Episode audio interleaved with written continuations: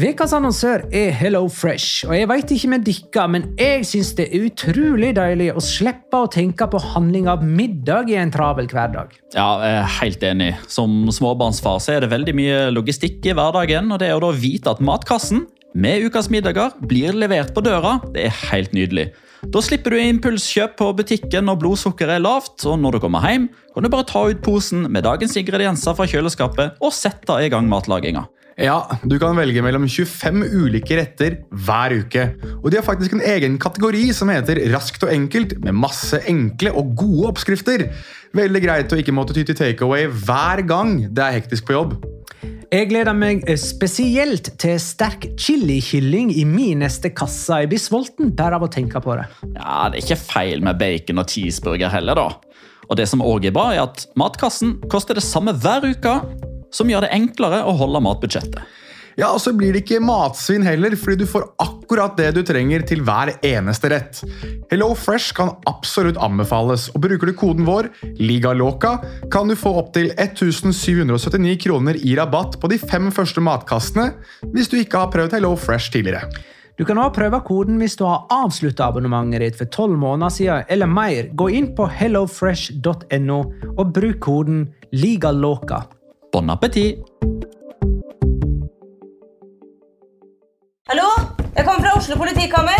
Ine Jansen er purk. Er du purk? The motherfucking bitch. Alt jeg vil, er å finne ut hva som skjedde med mannen min. Jon Carew. Er jeg sikta for noe? Iben Akeli. Det er du. Ole So, Lars Berrum og Big Daddy Karsten. Hvem sin side er du på, egentlig? Anette Hoff, Tone Danielsen, Kommer du fra Afrika?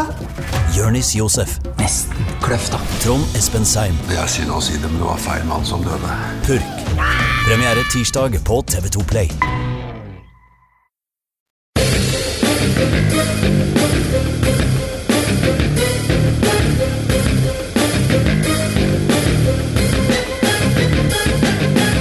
Sett? Real Betis er cupmester i Spania og har dermed vunnet sitt første trofé på 17 år. Gjennom historien har Betis bare vunnet fire trofé, og Joaquin har vært med på halvparten av dem. Den smilende 40-åringen er den eneste som har vunnet to trofé med klubben. La liga loca. En litt gærnere fotball. Ja, ja, ja, dette er La Liga Loca episode 205 av det ordinære slaget med Petter Wæland i Oslo sentrum, hei. Buenos dias.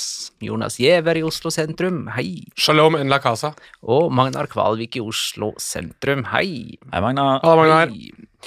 Skal vi små snakke eh, først om noe? Vi møttes jo på ball her eh, på lørdagskvelden og så Copa del Rey-finalen. Det var jo hyggelig, det. Det var ikke så veldig ofte vi ser kamper sammen, egentlig. Og i alle fall ikke med andre lyttere. Ja, mange. Det var overraskende mange som tok eh, Jeg sier jo det så å si hver gang, men det er fordi jeg tydeligvis har verdens laveste forventninger til at folk skal møte opp. Men eh, folk stikker jo innom og prater og syns det er like moro hver gang, eller de to gangene vi har gjort det. Så det, Eh, Valencia-supporterne var jo tross alt ved godt mot et eh, deprimerende år, eh, vil jeg hevde. ja. Altså, de aller fleste Valencia-supportere har vel for lengst inntatt en sånn galgen-posisjon. Og det, Ja. det kan man jo sette pris på. Man må vel ha litt sjølironi og sånt eh, for å være Valencia-supporter. Mens Real Betis-supporter Styrmann, han snakker vi aldri mer om. Nei, han er bannlyst. Altså, tenk, tenk å reise til Tyskland eh, den helga Betis eh, spiller cupfinale, så han ikke kan komme på ball. Styrmann! Hører du? Dette er ikke godt nok, Kenneth. Nei, jeg er veldig bra. Nei, jeg er enig. Det er, eh, det er strykkarakter og vel så det. Så mm, ja, ja. Vi- Vi er litt butthurt, men vi mener ikke at han er bannlyst. Nei, Jo da. Nei da. Jo da. Han kunne på en måte ha retta litt opp og plastra såret med et spørsmål eller et innspill til dagens episode, og være litt sånn nære gira Kanskje det er vi som har blitt bannlyst? Ja, kanskje Kanskje vi har mista en lytter. Hva har vi gjort, Kristian? Christian? Eh, uansett hva det er, unnskyld. Eh, Kan jeg, kan jeg for øvrig bare dele noe som nettopp har dukket opp på nettet? Eh, hvis lytteren nå, når de hører dette, så vil jeg gått inn på sida til Marka eh, på Twitter. De har da delt eh, bilde av Joaquin, som har gjen, gjenskapt det kjente bildet sitt hvor han er naken med trofeet. Eh, det bildet har nå kommet ut, eh, altså da 17 år etter sist gang. Det ligger han altså står naken med Nei, er ikke 17 år sist gang, det var i to... Nå, Det, han var vel Valencia-spiller ja, det er 13 år siden. Nei, Ja. 14 år siden er det. 2008, vel? Ja.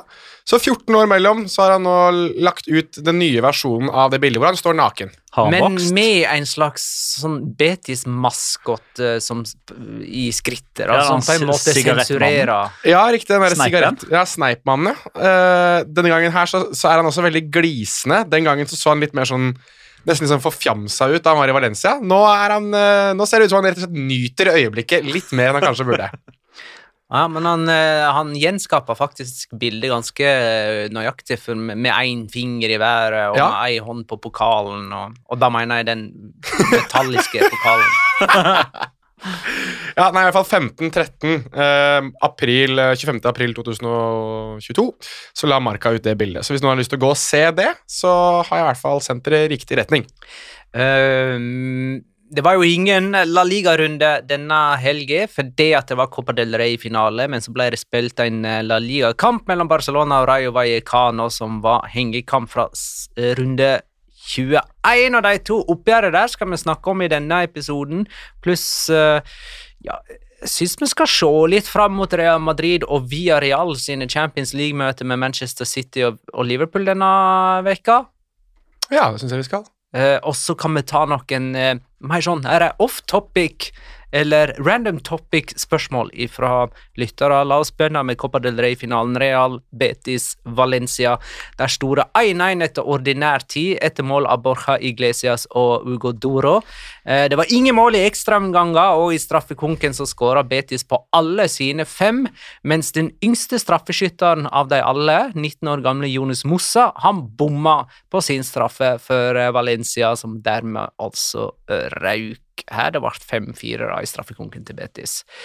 Eh, kampen starta klokka 22 lørdag kveld, og klokka 01.00 natt til søndag så kunne Betis eh, løfte trofeet.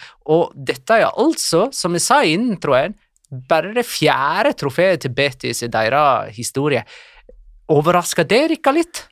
Er det, er nå visste had- dere det sikkert før finalen, men liksom når jeg fikk påminnelsen Jeg, skulle til å si det. Jeg ble liksom ikke overraska fordi jeg visste det, men det burde jo vært flere. Altså, det, det er jo en klubb som er veldig mye større enn hva troféskapet skulle tilsi. Vi har en tendens til å omtale det som en storklubb. Ja, men det er det. Ja, og Hvis da du, med fire trofé det hvis, liksom- hvis du holder en liten pause mellom eh, de to ordene som er satt sammen til ett ord Det er ikke en stor klubb, Ja, men ikke en ett ord, ja. Klubb. Ja. Nei, eh, altså Ett ligatrofé har jeg fra 1930-tallet, og så har jeg tre Copa del Rey-trofé nå, da. Eh, og dette var det første siden 2005. De har jo ikke vunnet supercupen engang, liksom. Nei. Nei, altså, det er jo Man snakker jo gjerne om Betis som en sånn sovende gigant. Uh, Men når var de en gigant? Jeg tror nok det er mer i form av hvor mange som heier på dem, og hvor store de er i eh, regionen Andalusia. Altså, jeg, sk jeg skrev en sak om El Gran Derby i Dagbladet før siste El Gran Derby, og da var jo liksom konsensus var jo at i Sevilla by så er Sevilla og Betis så å si like store. Men hvis du ser regionen Andalusia, altså med Malaga, med, med Cádiz, med alle de andre stedene rundt omkring i selve regionen, så er Betis større. Eh, så det er Men liksom vi globalt, så er vel Sevilla større igjen, eller? det har de vel blitt nå, i hvert fall de siste årene, med tanke på at de vinner så mye og har på en måte hatt de tre strake Europaliga-trofeene sine osv. Så, videre, så er nok Sevilla har nok flere utenlandske fans enn det Betis er. Men jeg tror Betis er mer skal vi si spanskofisert? Er det lov å finne på et ord her? Men selve kampen, da. Eh, spør du meg, underholdende og ganske god første omgang. Men så i andre omgang så syns jeg begge lag bar preg av at de ikke er gode nok, skråstrek vande med å spille sånne store anledninger. Ja, altså Frykten for å tape ble mye større enn ønsket om å vinne. Ja, jeg er enig i det. Jeg er enig i det. Um, og så tror jeg det gikk litt mot uh, scenarioet som jeg tror i hvert fall Betis hadde iscenesatt for seg selv. Altså Jeg tror Manuel Pellegrini hadde en ganske klar tanke om at de i hvert fall skulle lede det første, etter første omgang. Og når da Valencia, som fikk veldig få sjanser, uh, brukte den ene de fikk veldig veldig bra, med Ogodoro, så var jo kampbildet snudd litt på hodet. Eh, jeg tror veldig mange Valencia-supportere, og kanskje også BT-supportere, satt litt sånn Ja, ja, da var det gjort. Da Borja Iglesias stanga inn 1-0. Inkludert meg selv. Jeg satt jo og tenkte at ja, ja, det var den finalen, og så får man håpe at det ikke blir for stygt.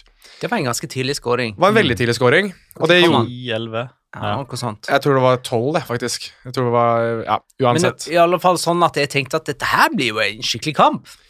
Jeg tenkte at det, det, der, det er litt trist at skåringa kom så fort, for at nå blir, det blir ikke noe mer spennende nå. Og så skjer jo det som jeg tror ingen trodde at skulle skje. Altså Ilaиш Moriba bestemte seg for å ha det ene gode øyeblikket sitt i Valencia-drakt i cupfinalen, hvor han spilte gjennom Ogodoro, som er jo kald som bare han kan være, tydeligvis. Han, kald, han var kald som en stein. Fantastisk eh, avslutning. Ja, enorm avslutning over Claudio Bravo. Og så var det jo match, og da er jeg enig med Magnar at da, da lagene kom ut fra, fra pause, så var det jo Jeg syns Valencia var bedre i andre omgang enn det Betis var, men så er det Valencia da, som mangler litt grann den der cutting edgen. Og jeg syns det var veldig rart at Brian Hill for eksempel, ble introdusert så sent i kampen. Han kom jo inn og skapte litt furore, men jeg syns det var for sent. Men så måtte det som, det som skjedde, skjedde. Og det var jo Ja, det var, det var jo på mest dramatisk vis den kampen kunne avgjøres, det må jo sies. Hvordan klarte Ugo uh, Giamon å unngå rødt kort i denne kampen? Han plukka opp et eller annet triks fra Casemiro, eller? Ja, det, han begynner å legge seg til en evne med å være eh, Det er jo egentlig feil å si at han er, at han er flink til å spille med gult kort fra før av, for han gjør jo ting som egentlig bør gjøre han utvist. Men eh, jeg vet ikke om det Altså, han har jo valgt en stikk motsatt eh, inngang til det enn Casemiro. da, altså Casemiro er jo Altså, Han er jo en, en god venn med de aller fleste dommerne. Altså, Han smiler og han, han ler og han unnskylder seg. Han er borte og ber om unnskyldning og snakker med dommerne før kamp i tunnelen. Han har liksom alltid en god tone. altså Ugo Dodo er jo bare der. Han har ingen følelser i det hele tatt. Det er jo kanskje litt sånn at dommerne kanskje er litt sånn redde for å være den som faktisk fikk Ogo Giamon til å vise følelser i negativ eh, affektverdi. Eh, nei, jeg vil ikke at OKG man skal begynne å grine, så kan ikke du være sånn å bare bytte han ut nå, Bardalas, før jeg sender han av banen. Og så ble han jo bytta ut av fem minutter før slutt. Ja. Uh, to ganske spesielle tilfeller av eh, spillere med, med betydning for Real Betis. Dette her er Joaquin, som jeg har vært inne på. Han er 40 år nå og har vunnet trofé med klubben to ganger. En eneste i historien som har gjort det. Eh, Kjetil Vann vil jo at vi skal oppsummere hele Joaquin sin karriere og hva han betyr for diabetes, Eh, og det har vi vel tenkt å gjøre i en annen scene. Ja, det, det var vel eh, Nå har ikke jeg vært like oppdatert i dag som jeg pleier å være, men det er vel en fotball-TV-episode her som har blitt eh, planlagt nå, Petter? Er det ikke det? Ja, i alle fall hvis du kan på torsdag. Uh, jeg må etter klokka fire? Ja, Ja, det blir etter fire. Det, Ja. det kan jeg. Da kommer det en ny torsdag kveld på fotball-TV. Da blir det mer om Joaquin, men vi kan jo likevel si litt om han nå, Ja da. og hva han betyr for Real Betis. Eller er det mer sånn hva, eh, hva Real betyr for han? Ja, Der tror jeg du er inne på noe sentralt, at der går det begge veier. Eh, Fordi det, det er ikke Jeg tror ikke alle hadde håper si, hatt det i seg å gi han den tilliten han har fått. For la, la oss være Selvfølgelig, dette her er mitt synspunkt, eh, og det er ikke sikkert dere deler det. Men hadde det ikke vært for at Joaquin er det vesenet han er, at han har den auraen han har, at han har eh, den historikken, at han er så godt likt, at han er en humørskaper og en leder, så hadde han jo ikke spilt for det Albetis. Jeg skjønner at det er årsaken til at han er der, men det Han er jo Hvis jeg skulle målt han utelukkende på, god, på hvor god han er, og hva han bidrar med sportslig, så har ikke han vist nok denne sesongen til at han skal få ny kontrakt for en klubb som pusher Champions League. Så ærlig, Jeg skal ikke si så ærlig må vi være, for jeg skal ikke legge meninger i munnen deres, men det er mitt standpunkt i alle fall. Jeg elsker Joaquin, men nå elsker jeg personen eh, og vesenet og mennesket, entertaineren Joaquin. Det er Ikke nødvendigvis fotballspilleren. Ja, det er bare i Real Betis han får lov til å spille at han er 40 pluss. Det er ingen som plukker han opp hvis han ikke får fornya kontrakt med Betis, er vel det jeg prøver å si. Ja, det er riktig. Jeg er enig med deg der. Men eh, blir det en sesong til, eller? Han sier jo det. Han har jo sagt det. Nå, først så sa han For det er jo ikke så lenge til han blir 41, så han vil jo nesten være 42 da, etter neste sesong, er ikke det sånn? Jo, det blir vel riktig, det. Uh, har ikke han bursdag på sommeren, da? Jeg lurer på om ikke han har det. Hvis ikke jeg bommer helt nå. Joaquin har bursdag i juli. Ja. Jeg mener å huske at vi, det var midt på sommeren der. Um, men uansett um, han, vel, altså, han sa jo først i veldig affekt, da. Altså, da han løp rundt med trofeet, så løp uh, Var det Juan Castaño som løp etter han fra spansk radio? Som spurte om nå, Du kan jo ikke slutte nå. Da sa han nei, nei, nå, skal vi jo, nå, nå vinner vi jo trofeer, så nå kan jeg i hvert fall ikke slutte. Så, som var litt sånn i affekt. Og så var det jo en, en feiring uh, på Benito Villamarin i går, søndag, altså da de hadde parade osv., så, videre, så er spørsmålet hvor mye Joaquin sov den kvelden der, da. Men um, uansett, da sa han jo at uh, nå kan det være at jeg ødelegger noen planer her, men uh, uh, jeg må Altså, han skulle uansett Han sa at jeg blir et år til. Til fullstendig jubel fra både fremmøtte supportere og lagkamerater og funksjonærer og ledere og det som var. Så hvis han nå går tilbake på det, så blir jo det Det er jo litt sånn litt dumt, da. Så han har i hvert fall eh, selv sagt at han skal ta et år til. Og så håper man jo at det også betyr at ledelsen er innforstått med at han tar et år til, og at han blir regnet med et år til. Men det skulle man nesten tro at det går uten noen sånn stor kontrovers. Den andre dette her hadde litt ekstra betydning for, var jo han som avgjorde straffekonken, nemlig Juan Miranda, som var hvor gammel? Åtte år sist gang de vant uh, Copa del Rey-trofé. Eller han var i alle fall en liten supporter av Real Betis i 2005, og så uh, avgjør han straffesparket i uh, når de gjenvinner trofeet. Ja, det, Jeg hadde, må jeg bare innrømme, eh, liksom eh, akkurat der og da glemt at han Ja. var en Betico. nettopp, det var det jeg tenkte òg. Fordi Sånn, eh, jeg forbinder nesten med La Masia. Ikke sant? Han hadde jo noen Ja. ungdomsår i Barcelona. Barcelona. vi gikk jo gjennom eh, vi, Før straffesparkkonkurransen starta, så gikk vi jo gjennom hvem vi trodde kom til å ta. Og da var ikke Juan Miranda var ikke nevnt blant noen av oss, vel? Nei. Ehm, det var vel heller andre, andre spillere, både Jeg tror, tror vi traff Jeg tror vi nevnte alle som ble tatt for Som tok for Valencia, selv om jeg og Petter var litt uenige med et par. Så tror jeg vi hadde nesten de, samme, de identiske på Betis. Nei, jeg, jeg trodde, altså, Vi traff på de fire første på Betis, eh, og da var, jeg, da var jeg ganske sikker på at det var Mark Bartra som kom til å gå fram. Ja, du sa Mark Bartra, det Men så kom Juan Miranda, og, det, og det, det er jo litt sånn Du tenker ikke over det der og da, men du tenker over det nå, så ga det mening. Ja, det gir mening nå i form av at det betyr mer for han. Eh, og at det kanskje er en årsak til at han ser i snitt da, til å bli historisk for den klubben som alltid har stått hjertet hans nærmest. Det er jo òg årsaken til at Christian Theo gikk fram. Uh, han han uh, hadde vel en bestefar som var klink betico når han var ung, og det var derfor han gikk til Betis in the first place for et par år siden. Mm. Uh, Joaquin tok jo også straffe, og det var vel kanskje den dårligste straffen som gikk i mål, Det det. faktisk. Eh, Så de to dårligste straffesparkene var jo den eldste, altså Joaquin, og den yngste, Jonas eh, Mossa. Mm. Um, betyr dette noe Altså, hva tror vi om Betis? Er dette starten på noe Er, er det stabilt å finne en kamp om fjerdeplassen framover, eller er det liksom eh, sånn her eh, et godt år, og så tilbake til det vanlige? Ja, det er et godt spørsmål. Altså, nå er det jo Sergio Canales har vel allerede begynt å snakke om at det er fem finaler igjen for, for Betis. De at det er fem seriekamper igjen, og at de ligger fire poeng bak Atletico Madrid i jakten på den fjerdeplassen. Så det er jo eh, det, er tilbake, det spørs jo hvor kjapt de kommer tilbake til virkeligheten. Det er vel eh, i hvert fall eh, noe som kan være, være tungen på vektskåla her, men jeg tror Altså, En cuptriumf, og så vil jo det også potensielt kunne tiltrekke seg andre store spillere. Det var snakk om Isco allerede nå, så jeg, etter uh, cupfinalen, at uh, Pellegrini prøver å lure han til uh... Unnskyld? Ja, hei.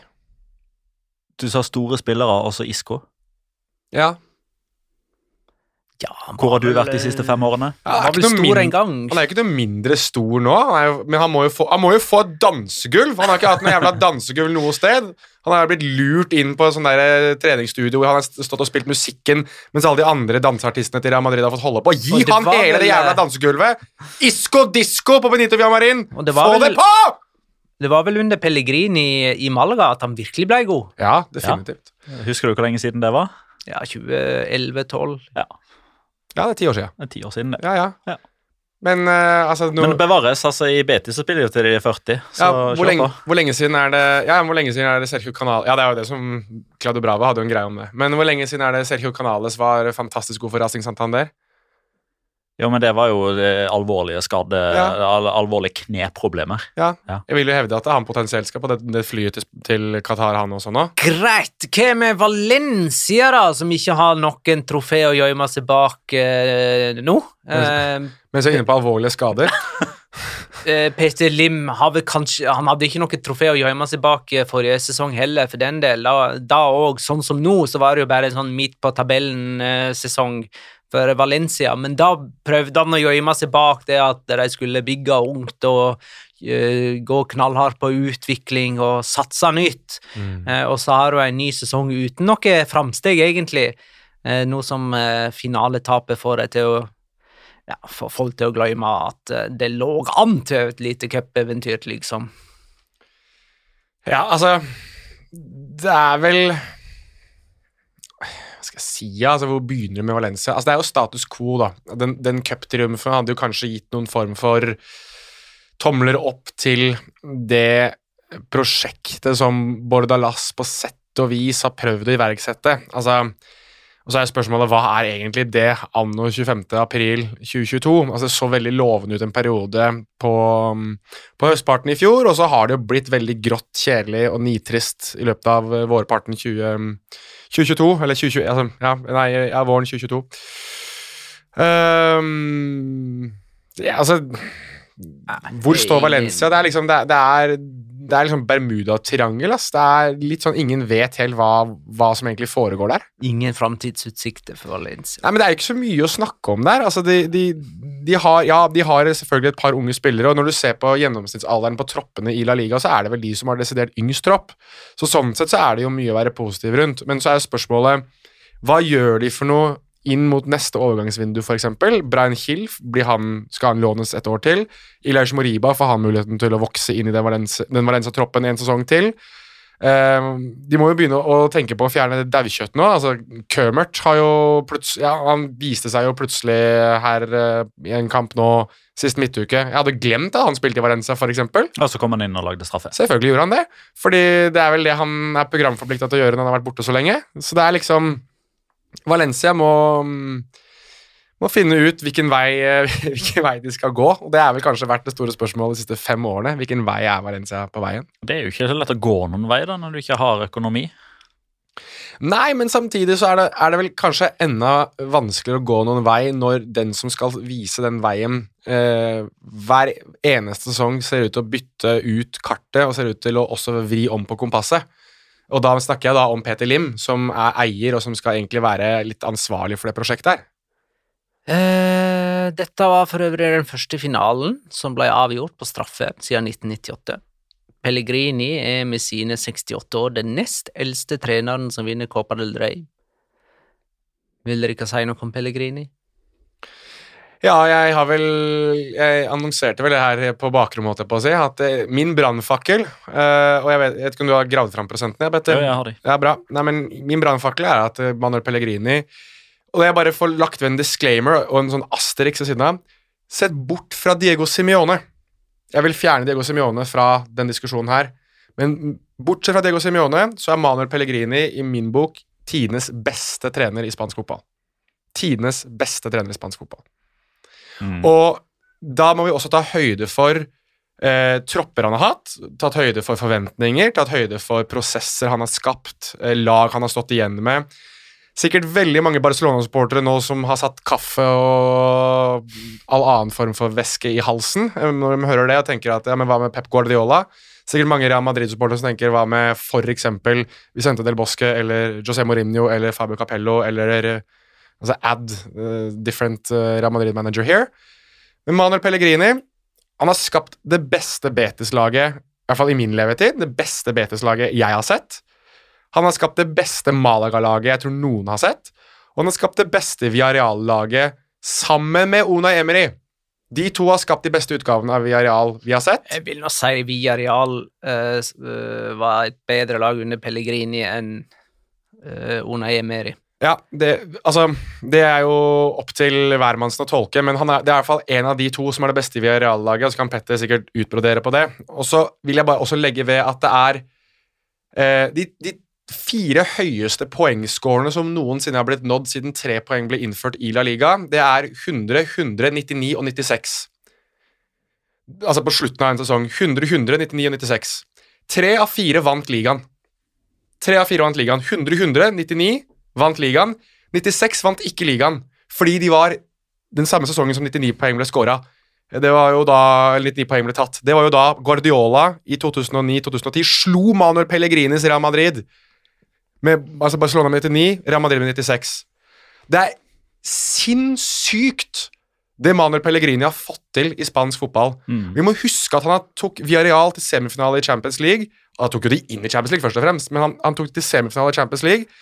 Han, hadde VAR eksistert den 11-12-sesongen, så hadde aldri Filipe Santana scoring blitt stått da Borussia Dortmund spilte mot Malaga. Da hadde de spilt semifinale i Champions League. Han tok for øvrig også Malaga inn i Champions League. Det var òg en Malaga-scoring som ikke hadde stått. Ja, Det trenger vi ikke nevne. Ja, fair enough. Uansett, han tok de veldig nære en semifinale i Champions League med et Malaga-lag som forholdsvis var raska sammen den gang med ja, med sjeikepenger og det som var. Man fikk det til å fungere. Og nå har han tatt dette Betis-laget her, som har ligget og kava mellom eh, middelmådighet, litt inn i Europa, ja, nedrykk. Har liksom vært, vært, nesten blitt sånn sportslig lillebror til Sevilla. Og nå har de vunnet sitt første trofé på herrens mange år og kan kvalifisere seg til Champions League.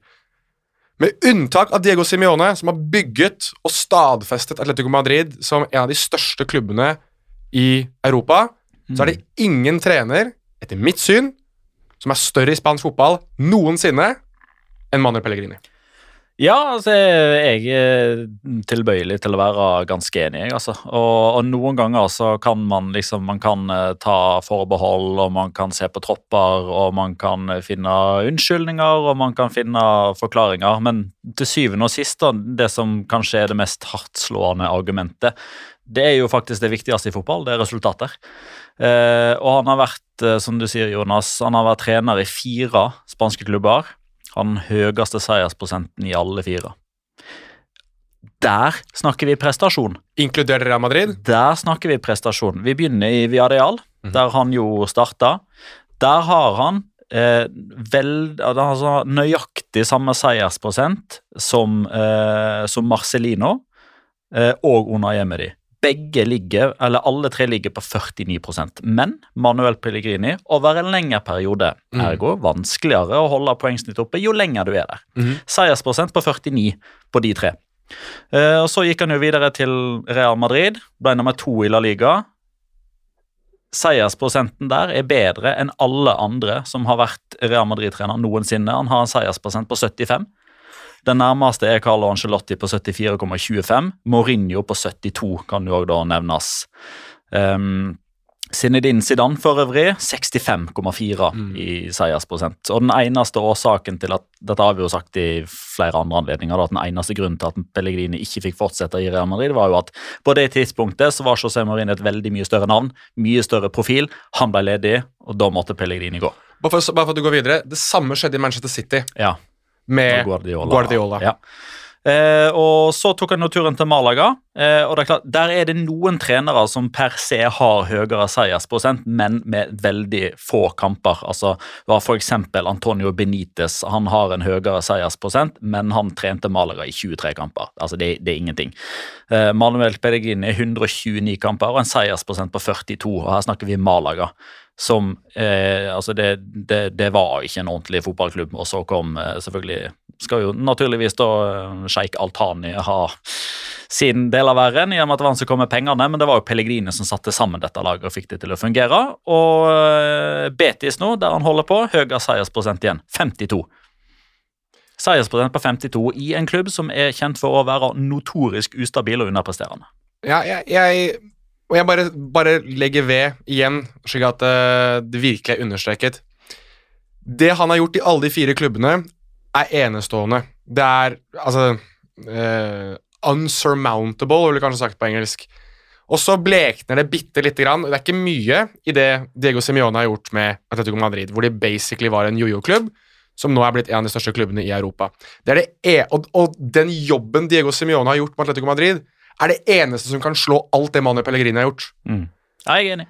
Jeg er enig. Men uh, er dette her all, over all tid, liksom? Ja, For, det, det er vanskelig å eh, noen vil sammenligne med Krauf og uh, Miguel Munoz. Miguel Muñoz Munoz eh, Eleno var La, la oss si i moderne tid, da, i den fotballen som vi kjenner, Ja. som de unge Johan jyplingene de Cruyff er. må nesten nevnes. Ja, men, men Johan Cruyff Barcelona, Barcelona, Barcelona, Barcelona, Barcelona, Ja, Barcelona. det er jo én ting. Barcelona er én ting, men, Ja, han, men hans. Ja, men, men han skapte jo et etos. Han har jo, når det kommer til klubbbygging, så er jeg enig med deg. Det er Johan Cruyff er nummer én, men det er Leo nummer én uansett.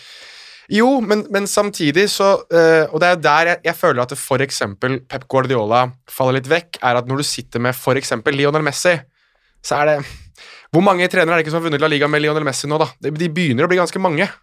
Er det ikke fire ulike trenere som har vunnet La Liga med Men han var nå med å gjøre han stor. Ja, ja, definitivt. Men, men altså, jeg syns vi skal gjøre Pellegrini den tjenesten. Jeg, at vi snakker han opp i stedet og argumenterer for at han er den beste ved å snakke om han, og ikke nødvendigvis finne feil og mangler på alle andre. Fordi konkurransen er stor, men Pellegrini er best. Men de fortjener en mention, disse her Oi, andre. Oi, bare ja, sånn at, eh, Er du gæren? eh, Er du gæren? Selvfølgelig skal de tror vi har glemt hele verden. Skal vi snakke om Barcelona, da? Oh yeah. mens, vi er inne, mens vi er inne på litt sånn Mens vi er eh, inne på lyn fra klar himmel. Søndag kveld så spilte de altså hengekampen sin mot Rayo Vallecano og tapte 1-0 etter skåring av Alvaro Garcia. Den skåringen kom tidlig. Det var noe sånn sjette, sjuende, åttende Jeg tenkte at sånn med, med et Rayo-syn Å nei, de skåra for tidlig. Den kom for tidlig. Men da har Spesielt når det blir altså lagt til 11 minutter etter pause. pause. fytte rakkeren, ja. Da har altså Barcelona tre strake heimetap eh, mot eh, Eintracht Frankfurt, Cádiz og Rayo Vallecano. For første gang i løpet av en og samme sesong. Nok en gang! Mm. Eh, og hva er det som går gale med Barcelona nå? Eh, jeg kan la Petter få eh, ta det resonnementet, men jeg bare vil si to ting. Jeg vil bare hylle dere to for to ting. Og dette er, dette er eh, fordi dette har vært Magna Calix, eller var din kjepphest, da vi var alle glad da Adama Traoré kom inn. Det er over! Det er så over, det Adama Traoré-greiene. Og det var over etter hvor mange uker? Én, to, tre. Tre uker, så var det over. Så chapeau til Magna Kvalek for den. Petter sa at hva skjer i Barcelona når motgangen kommer? Og nå, er jo, nå ser vi motgangen. Og hva er det som har skjedd? Jo, det er gloom and doom, og man snakker om hoggestabbe, og var det riktig å sparke Koman, ser jeg noen har nevnt, som jeg syns er kjempegøy at det kommer opp igjen. Det, han fikk for øvrig også sparken et, Eller han fikk sparken etter Etter tap første mot tap mot Rayo Vallecano. Ja. Eh, og, og da passer det for øvrig å nevne at uh, Rayo Vallecano har vunnet begge kamper mot Barcelona uten å slippe inn mål. Og er det første laget som gjør det siden Atletico gjorde det i 89-90-sesongen. Det er over 30 år siden noen har klart det. Det er litt gøy. Um, det er vel Lynet slår aldri ned på samme sted to ganger. Tydeligvis så slår i hvert fall Rayo Vallecano ganske hardt ned på Barcelona ved to anledninger denne sesongen her. Og det er, gans, og det er ganske sinnssykt at eh, Andoni Iraolas Rayo Vallecano, som har nærmest vaklet seg oppover på tabellen nå, har altså de, Hvor mange, hvor kamper, hvor mange kamper var det på rad før de vant nå sist? Var det 13 kamper på rad? Ja, De vant den 14. Ja, Ja. i år. Og så har de da De har to seire, mot Barcelona. Både hjemme og borte med Barcelona. Det sånn, Og Español for øvrig, så de har sleget alle Barcelona-lag 1-0 i alle fire kamper. Ja. Nei, de, de har kjørt litt den derre eh, I hvert fall når det kommer til Barcelona, så har de kjørt litt sånn, sånn der, eh, omvendt Una Emery. At de, de taper mot alle andre, men de slår Barcelona. Una Emery er jo sånn som gjerne slår alle andre og taper mot Barcelona. Så det er eh, Jeg hyller det at eh, Andoni Raola um, ser ut til å ha en eller annen sånn, et, et balletak på lag fra den katalanske regionen, i hvert fall denne sesongen. Eh, Det var bare Rayo Vallecano sin andre seier på kamp nå nok en gang. Den første kom i år 2000, og Endre Tengren skriver hvilken utgave av Barcelona kan vi forvente å se neste sesong? Eh, Xavi har vist hvor gode de kan være, men òg hvor katastrofalt dårlige eh, de kan være, sånn som de siste ukene. Kan Fati og Pedri sammen sette standarden for et sterkt Barcelona? Ja. Det, jo, men det, det vil jeg tro. Men altså, jeg føler dette er to litt sånn forskjellige spor. fordi Når man snakker om Barcelonas framtid, så mener i alle fall jeg at vi må skille mellom kortsiktig framtid og langsiktig framtid.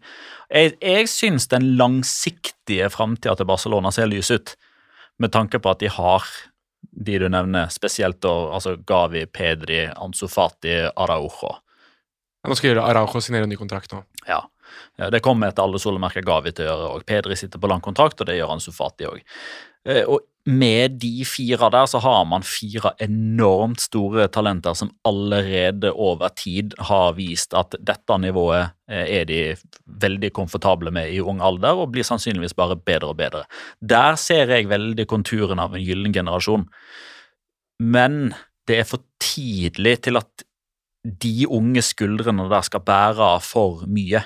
Uh, og jo, men jeg, altså, jeg synes, altså, vi, vi har sånn delvis gjort det sjøl med sånn, i herremøtene friskmelder Barcelona. Vi snakker om ja, A-liga etter at de slo Real Madrid 4-0, og ja, kanskje kan det skje, osv. Men jeg syns altså, omgivelsene, spesielt Barcelona-supporterne der nede eh, i Spania, som, som, uttaler seg på sosiale medier, som blir intervjua, som står på TV og ringer inn på radio og sender WhatsApp-lydmeldinger til Cadena Copa, bla, bla, bla. Altså, Det er altfor tidlig friskmelding, da. Altså, jo, men altså, Det å gjøre seg sjøl en bjørnetjeneste da, altså, Det skulle liksom ikke mer til enn 4-1 bort mot Valencia, så var det hallelujastemning igjen. Nå får du, uh, Har du ditt Alan Hansen-øyeblikk her nå? You can't win anything with kids. Er det den du prøver å gjenskape her nå? Jo, jo men ikke med bare kids. Nei! Altså, bevares. Jeg er litt sånn flåsete. Jeg bare syns det var gøy å finne fram uh, statistikken på Barcelona med og uten Pedri. For man har jo snakket om Pedri, ja, den er enorm. Pedri dependencia. Altså, I La Liga, da, bare for å ta La Liga Med Pedri så har de spilt tolv kamper, ti seire og to uavgjort. Altså de har vunnet 32 av 36 mulige poeng. Uten Pedri så har de spilt 21 kamper. Da har de åtte seire, syv uavgjort og seks tap. Da har de vunnet 31 av 63 poeng. Mm. Altså under halvparten av de mulige poengene. Det er ganske sykt at én spiller gjør så mye endring i et lag. Og så er, er, jo det egentlig mer et sånt testament til hvor god Pedri er, da. Ja, og den, den er interessant fordi han er så ung. Eh, og det er en, en, type statistikk som er lett å kjenne seg igjen i når man ser Barcelona spille fotball. Ja, ja. Altså Det er helt åpenbart at det flyter bedre. En annen statistikk som jeg tror folk kanskje er litt sånn Hæ? På bakgrunn av hva folk eh, jeg, sier når de ser vedkommende i aksjon, fordi mm. han er ikke like god i 2022 som han har vært de foregående 10-15 årene, Gerard Piquet. Ja. Med Gerard Piquet på banen så har Barcelona sluppet inn to mål på de siste 658 minuttene han har spilt. Altså ett mål hvert 326. minutt. Uten Gerard Piquet på banen så slipper de inn mål hvert 49. minutt. Spiller Longley da, eller? spiller Erik Garcia da? Altså det, jo, men det er jo det som er greia, da. At når ikke Jedad Piquet spiller, så er det Adaoro som er para opp med da enten Langley eller Erik Garcia. Det spennende blir jo hva som skjer når Andreas Christensen skal inn i dette her, da. Han virker jo å være klar for Barcelona. Ja, han og Frank Kessie ser jo ut til å være mm. Altså, det er bare liksom offentliggjøringa som det blir spennende, som, de to. Eh, som mangler. Vi skal kanskje inn på det etterpå, dette med gratissigneringer. Men, uh, men uansett, jeg syns bare det er interessant at uh, Barcelona Altså, vi har, vi har, alltid snakket om Barcelona som maskineri, som et samlet lag der du på en måte Der det ikke er nødvendigvis Med unntak av Messi, så har det vært et system, da. Mens Barcelona i dag er det vi anså Real Madrid for å være før. At det alltid var enkeltspillere som Sergio Ramos, Cristiano Ronaldo, som var de som fikk ting til å stemme i Real Madrid. Når de var ute av laget, så plutselig falt alt sammen sammen. Nå er det liksom Pedri og Piquet som bare ene og alene driver det laget der framover. Veldig, veldig merkelig, men det er gøy å se. Fotballen går i sykluser. Det er sikkert en klisjé, det òg. Real Madrid trenger ett poeng på å bli seriemester. Med fem kamper igjen å spille. Det Det er jo helt Paris Saint-Germain og Bayern München uh, Ja, Takk for det der. ligger det en anelse lite sånn Altså For en som har hengt seg litt opp i å være litt sånn mot konspirasjonsteori, så, konspirasjonsteorier osv., så, videre, så er det det er en bitte liten del inni meg som bare blir ekstremt tilfredsstilt av at Real Madrid etter alle solemerker da blir seriemester mot Español, som da bare kommer til å legge seg. Selvfølgelig. Det kommer jo Barcelona-fansen til å si, for Ah, ja. sørge for at erkerivalen til, eh, til Barcelona som vinner La Liga. Eh, neste motstander for eh, Barcelona det er Mallorca på kamp nå. Høres ut som en lett oppgave. Sånn som Cádiz var og Rayo Vallecano var. Ja, Mallorca spiller med kniven på strupen. De er to poeng over nedrykksstreken. Du tenker på det Mallorca-laget som har vunnet både hjemme og borte mot Atletico Madrid Det, denne det er nettopp det. Mm. Javier Aguirre, Mallorca-laget. Ja, Javier. Agirres, Vedat Moricis Altså, Tenk deg den hodeduellen, da. Vedat Morici mot Luke de Jong. Det kommer til å skje. Det smeller som faen. Det kommer til å skje. Det slår på riktig skala, den. Og runden etter det, bare sånn at det er sagt, så eh, møter Barcelona Real Betis i eh, Sevilla. Og det er jo Betis som er på plassen bak fjerde, eh, og Barcelona er jo Skal vi si at de er trygt på, inne på topp fire? Det, har, det er seks poeng ned, da. Det Ja. burde være i boks, liksom. Jeg burde jo det. Jeg Men det virker jo som luftig ut av ballongen deres, da. Ja, det kommer til å, veldig mye kommer til å avhenge av hvordan Betis også begynner å Hvis de våkner ordentlig i ligaen, de òg, og skaper litt grann furore. Det hadde vært kjempegøy da, om du fikk et sånn skikkelig bikkjeslagsmål om de topp eh, fire-plasseringene. Uh, Rayo på sin side de har vunnet to strake kamper, som brått ut av uh, ingenting, og er på 11. plass med 40 poeng. De er 10 poeng over nedrykk, og nå er det ingen uh, fare der, får vi tro. Nei, og det er jo egentlig mot alle odds, nesten, da, sånn som det har blitt i, i Rayo. Altså det er ganske sykt å tenke på at vi satt og snakket om sånn euro-Rayo, holdt jeg på å si. Litt sånn at oi, kan de nå Conference League, eller Unnskyld, kon konferanseligaen? Feira jul i Champions League, de. Ja, de gjorde det. De var helt der oppe på Champions League-plass. og hadde Europas beste hjemmestatistikk, og det var ikke måte på. Falcao var helt tiger igjen, og det var så hallelujastemning. Og så har de liksom 11.-plass nå. De er jo blitt helt Valencia. Beste nyopprykka laget nå, faktisk. Det er, og det er også sykt med tanke på hvor grusomt det var i en periode der. Eh, Viktor Hallnes lurer på om kvinnel kvinnelaget til Barcelona er blitt klubbens nye inntektskilde. De trekker jo eh, stadig over 90 000 tilskuere, mens eh, herrelaget hadde 50 000 cirka eh, mot Rayo. Ja. Eh, og dessuten så solgte jo mange supportere vekk billettene sine til Frankfurt òg, i Europaligaen. Men jeg kom i snakk med en som hadde vært på uh, Han hadde først vært på Barcelona Cádiz, og så var han på Barcelona Wolfsburg. Og det var altså så vanvittig mye bedre stemning når det var eh, kvinnekamp. Mm. Fordi da kommer supporterne, ikke turistene. Ja, de vil se lag som vinner. Ja, det kan du si. Jeg håper det eneste Underholde, kan man òg si. Bare for å ha sagt det, da. Altså, jeg, eh, Det er sikkert en brannfakkel, og sikkert noen som har lyst til å bare høre dette her som en negativ ting.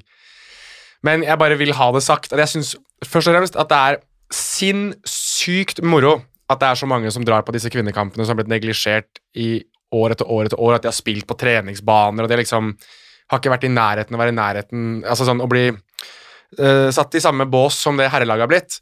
Men jeg gleder meg også til den dagen der det her ikke er en nyhet. At Mm. oi, verdensrekord! Oi, verdensrekord! Den dagen man ikke lenger gjør en sak ut av Ja, at de fyller stadion. en verdensrekord må man jo lage sak på. Eller, eller at man lager en sak ut av at det er si 80 000, da. Eller at det er 90 000 på Kamp Nou for å se disse kampene her. Jeg gleder meg til vi kommer til den dagen der det bare er Ja, hvorfor skulle det ikke være sånn? Ja, la oss håpe vi kommer til den dagen der, eh, der liksom det å sette verdensrekord ikke er motivasjonen for å dukke opp, da. Veldig godt poeng. Det var det jeg skulle fram til. Kristoffer Fleischer eh, lurer på om Barcelona er ligaens beste til å få middelmådige keepere til å se ut som en million. Og jeg må jo egentlig si at uh, Rayo-keeper Dmitrijevskij han så ikke ut som en million i denne kampen, og likevel så holdt han nullen. Det var jo mye Det var mye blokkeringer. Han var ute på flere blåbær- blåbærturer. Det var, jeg, jeg, Dembélé hadde jo nesten åpent mål etter en eller annen merkelig utrustning av eh, Dimitrievskij på slutten der. Ja.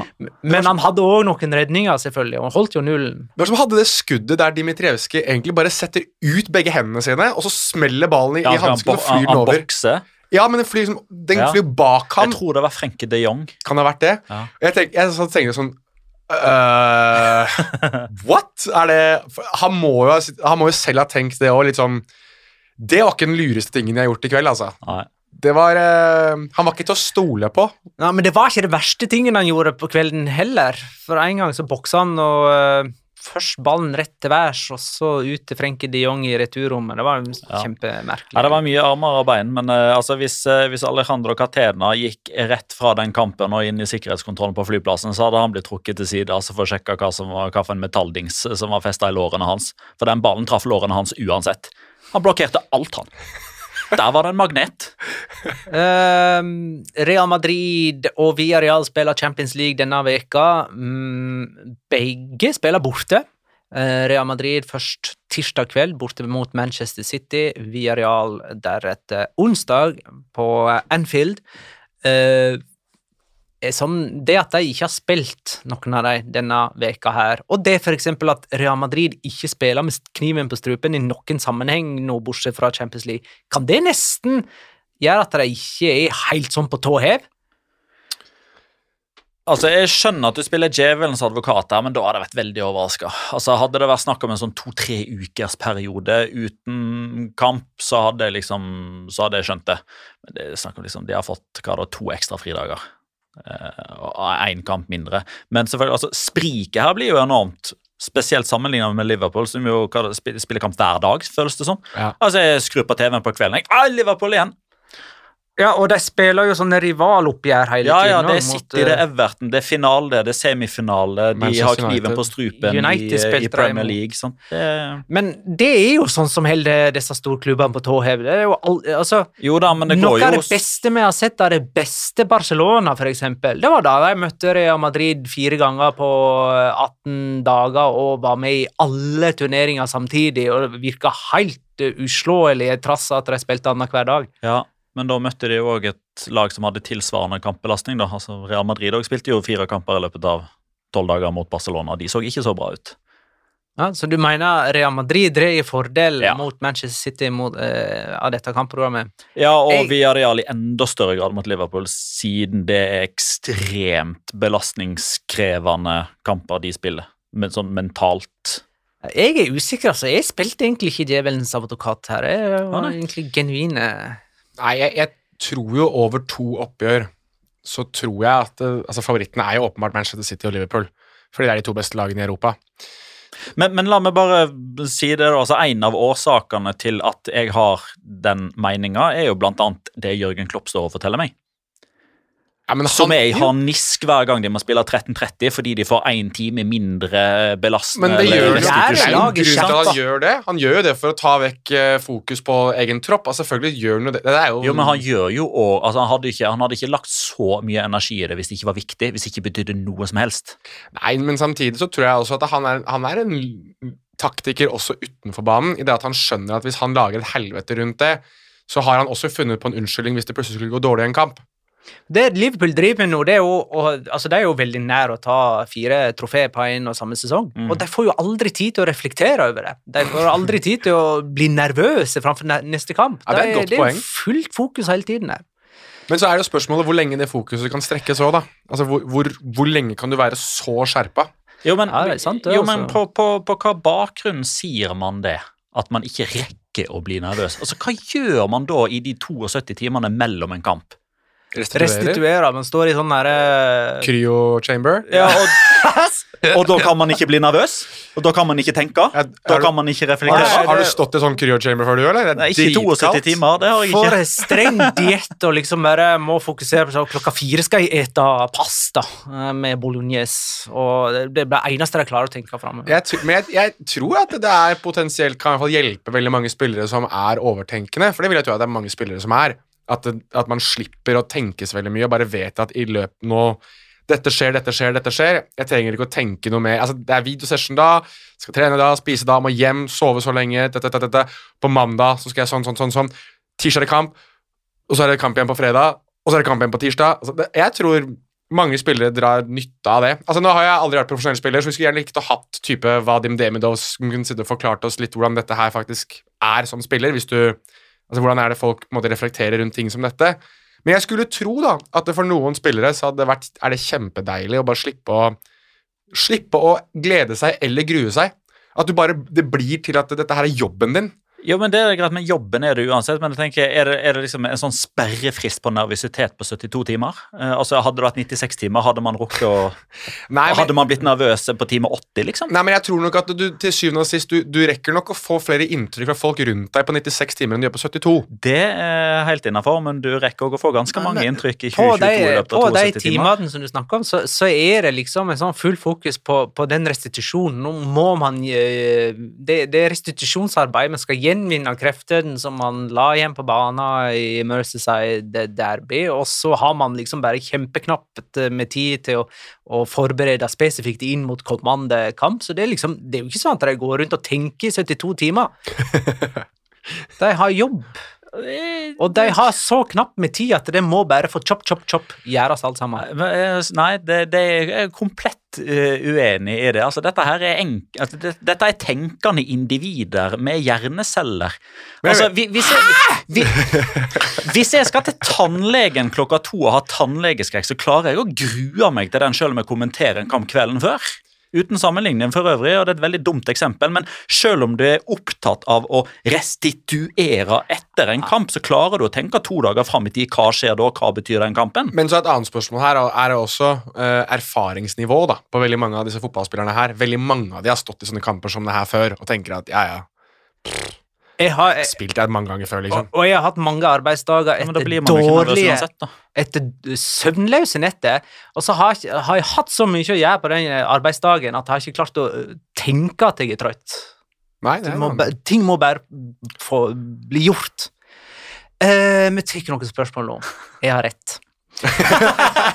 Jørn Henland skriver eller ber oss gjerne snakke om Real Madrid og Barcelona sin strategi om å hente Bosman-spillere. Er det kun pga. økonomi, eller ligger det noe annet bak? Eh, Det siste nå er jo eksempel at eh, Antonio Rudiger er på vei fra eh, Chelsea. Um, skal vi nevne noen andre i samme slengen her? Frank Kessi fra Milan til Barcelona. Andreas Christensen. Fra Chelsea til De har jo Barcelona. allerede gjort det, da, i type av eh, David Alaba, Aubameyang, Sergio Aguero, Mm. Erik Asia. Ja, er det klubber eller er det spillere, dette?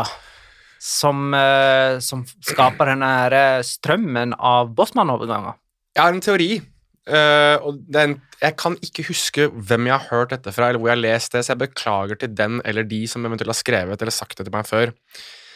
Men det, det, jeg har fått høre en teori om at dette her er litt inspirert av basketball. Altså, Vi vet jo hvordan NBA veldig ofte har en påvirkning på veldig mange av de største stjernene i fotballen. I, I basketball så signerer du jo gjerne på en ganske stor avtale sin fem- eller seksårskontrakt, og så går du som free agent til et nytt lag. Det er veldig vanlig i basketball. Så signerer du du har max deal, så har du super max deal, og så har du mega super max deal. Det er veldig veldig komplekst i NBA. Det høres ut som den quizen vi hadde i pandemien. Ja, jeg vet, men det, men det heter disse tingene Det er det de heter. Um, men det er mange som sier at uh, i basketball så er jo de lønningene de får på avtaler de signerer, er jo massive. Altså det er gigantavtaler som ingen annen idrett i verden kan måle seg med.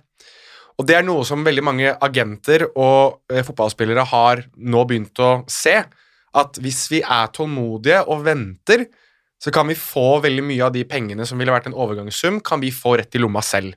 Derfor er det flere spillere som nå, selv om de kanskje ikke har det som plommen i egget i de klubbene de er, sitter heller og venter på at kontraktene deres går ut, da de da kan gå vederlagsfritt. Og så kan de da selvfølgelig eh, Alle som sier at det er jo gratis. Nei, det er ikke gratis. Men veldig mye av de Si tar jeg en av disse spillerne billigere. billigere. La oss nå si Antonio Rudiger, da. Vi tar han som eksempel, for han er en av de beste midtstopperne i verden. Han ville kanskje i dagens marked kostet si 60 millioner euro. Vi bare tar det.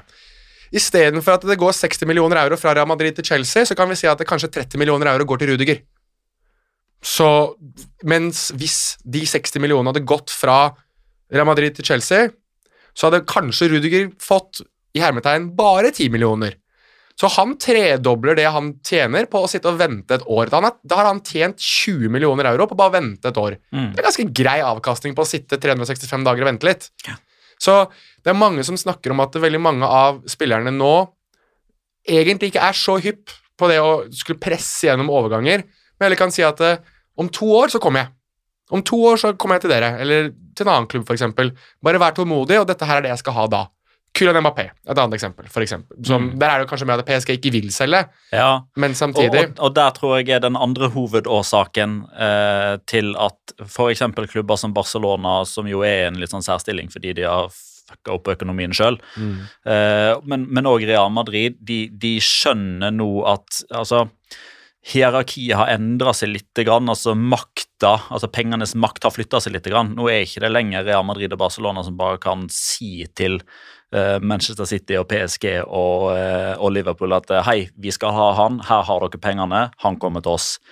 Altså, Der har maktbalansen flytta seg, spesielt pga. City og PSG, som pumper men enda mer penger inn, og som ikke har et behov for å selge i det hele tatt. Og Der er jo Kylian Mbappé og PSG det aller største eksempelet, der de takker nei til 200 millioner euro seks måneder før han kan gå gratis. Ja, det er ganske sinnssykt. Mm. Men jeg tror at Real Madrid Det tror jeg var kalkulert av Real Madrid, som kunne fint si til Kylian Mbappé at vi, vi gjorde det vi kunne, vi. Men halvparten av det får du hvis du kommer neste. Ja. Du, får de, du får 100 millioner av oss. Bare, du ser at vi kan by 200 for deg når du har seks måneder igjen. Bare kom til oss neste sommer, så skal du få halvparten av det. Så får du 100 millioner etter Nå er det ganske lenge siden jeg har spilt fotballmanager, men jeg antar jo at uh, altså sammenlignet med f.eks. Um, skal, skal jeg bruke som eksempel da, 0102, altså CM 0102, var det ganske enkelt hvis du skulle liksom ut og forsterke stallen. Da var det enten kjøp, eller så var det leieavtale. Du kunne liksom go crazy og ta 10 uh, videre salgseffekter. til. Altså, jeg regner med at man må ha litt sånn add-ons, javascript etc., for å åpne opp den der overgangsmuligheten. Altså, du har jo sikkert 10 000 forskjellige måter med avbetaling og Klarna. Eh, ja, ja. obligatorisk, halvobligatorisk kjøpsopsjon hvis og måtte dersom måtte. Kjenner jeg, hører, hører jeg Magna bli sint. Skal vi ta denne fra Martin Hellerud? Uh, Hvilke stadioner tror dere uh, RFEF, altså det spanske fotballforbundet, vil satse på når det gjelder søknaden om VM i 2030? Uh, for det at Spania skal søke om VM i 2030? Ja, sammen med Portugal, vel. Ja, Ja, og om det. de er ganske sjølsikre i alle fall på at de får det. De planlegger ut ifra at de får det. Ja, jeg synes det er Uten at jeg skal gå så langt inn på det, jeg syns det er ganske teit at de ikke VM i 2030 At ikke det er i Uruguay og Argentina. Første VM, altså 100-årsjubileet til VM, burde Ja. være i Uruguay. Jeg ser den. Men hvorfor sa du Argentina?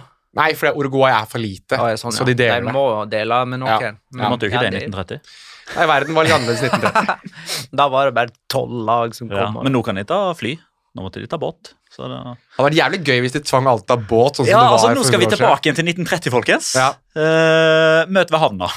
Se for deg den det partybåten til Neymar som skal over fra Paris der til, eh, til eh, Montevideo.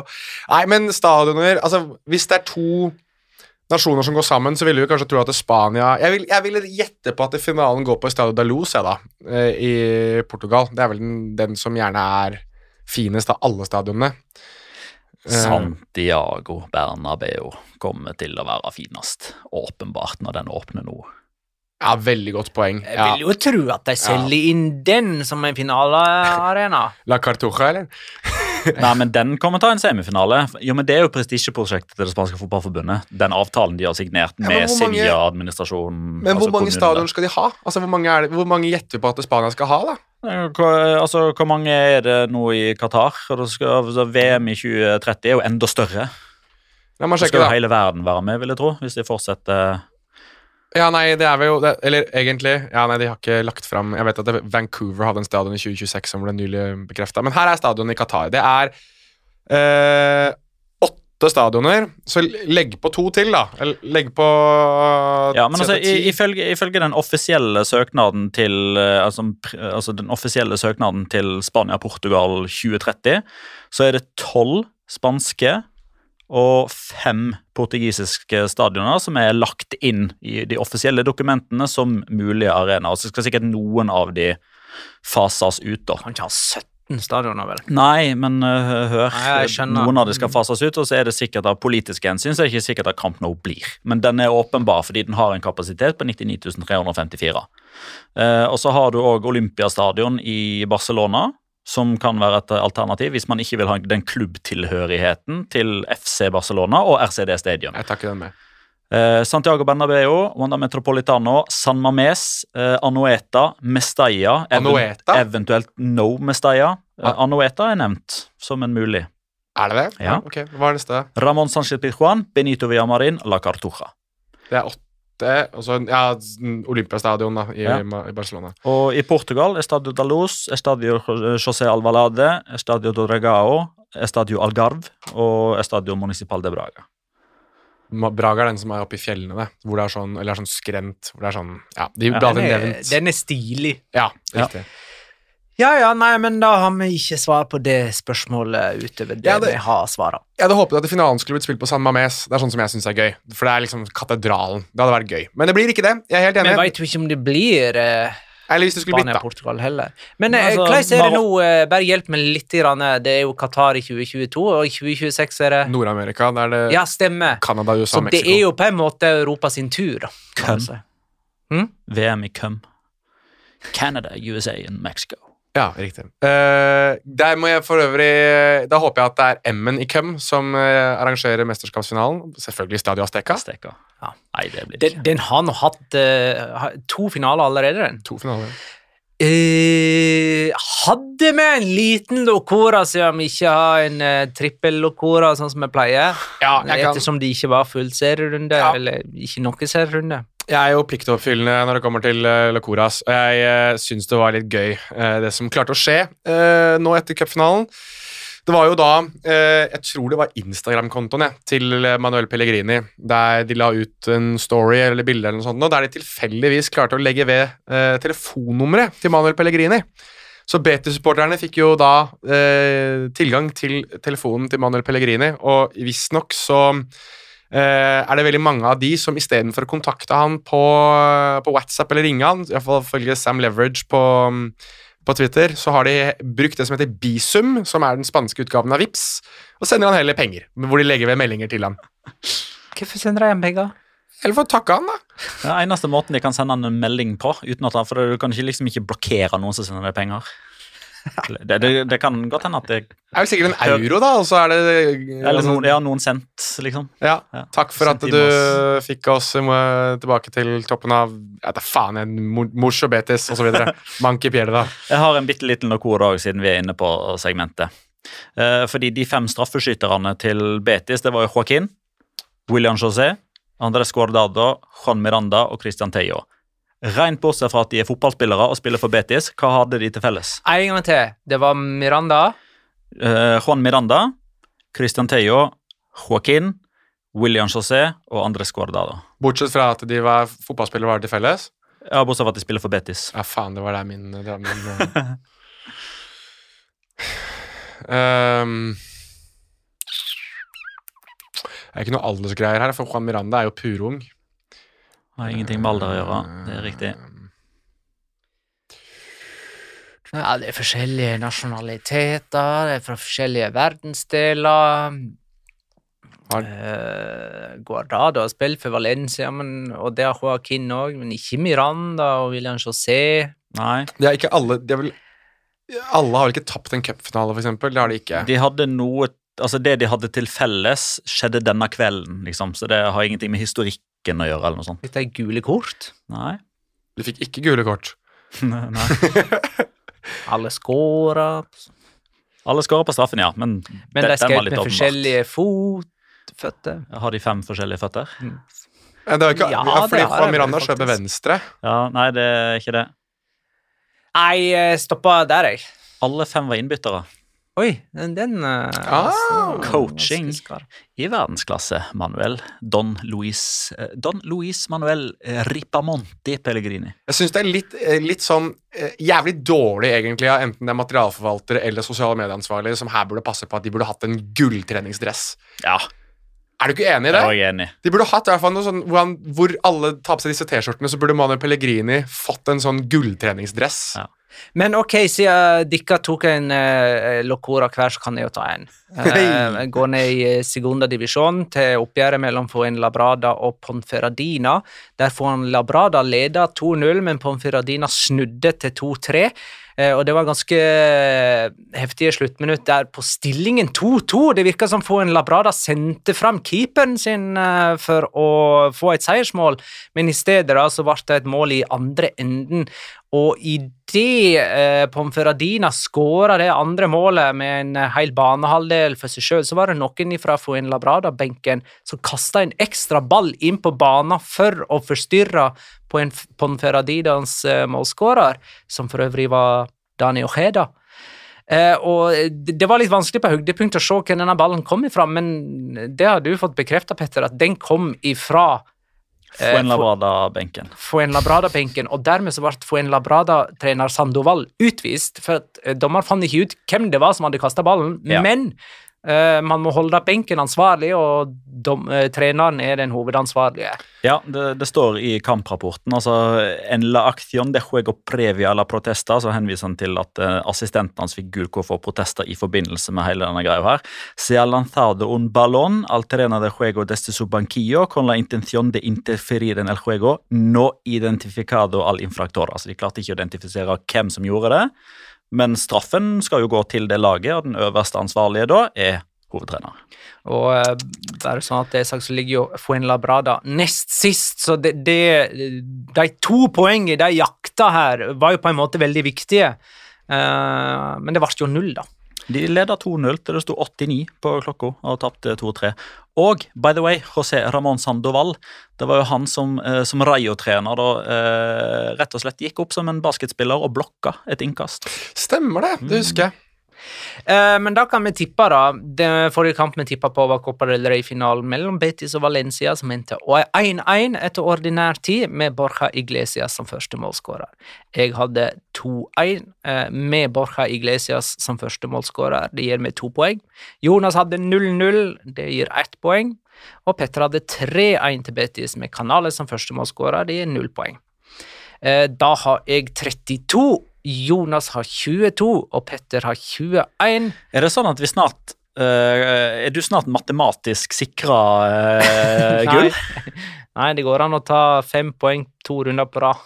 Eh, ja, det går, ja, mm, det går an. Uh, neste kamp er Atletic mot Atletico Madrid. Lørdag kveld klokka 21. Uh, ganske viktig kamp med tanke på topp fire-plassering. Der har jeg satt 1-2 og Antoine Griezmann. Jonas? Ja, uh, Atletic Klubb må i hvert fall gå på et poengtap hvis de skal uh, ende på den programforpliktede tiendeplassen, for de er jo på åttendeplass nå. De vant sist, de tapte kampen før, så her spiller de uavgjort. Um, jeg tror det blir 1-1. Ikke 0-0 garantert, men jeg tror det blir 1-1. Jeg tror faktisk vi får noen skåringer. Uh, og den første skåringen kommer fra For jeg tror Atletico Madrid må jage her. Og jeg tror de får en utligning, så jeg sier Iker Monjain. Ja. 1-1 Monjain var det jeg satt og tenkte, men da endrer jeg til 1-1 Williams. Velkommen ja, Williams. Injaki. Ja. ja, du må velge Williams her. Ja. Stor sjanse for Nico-skåring. Ja, velkommen, velkommen til uh, mitt, min verden, der ja, alle tippetipsene mine blir tatt mens jeg sitter og tenker på dem. Mm. Da lurer ikke jeg på noe mer. Det er ikke dere heller. Jo Eller jeg lurer ikke på noe, men La Liga Eller eh, patreon.com slash La Liga Loca. Oh, Doner penger! Gi oss alt dere har! Og straks en ny episode på Fotball TV òg. Ja. Mm. Tusen takk for at dere lytta, kjære lytter. Ha det, da.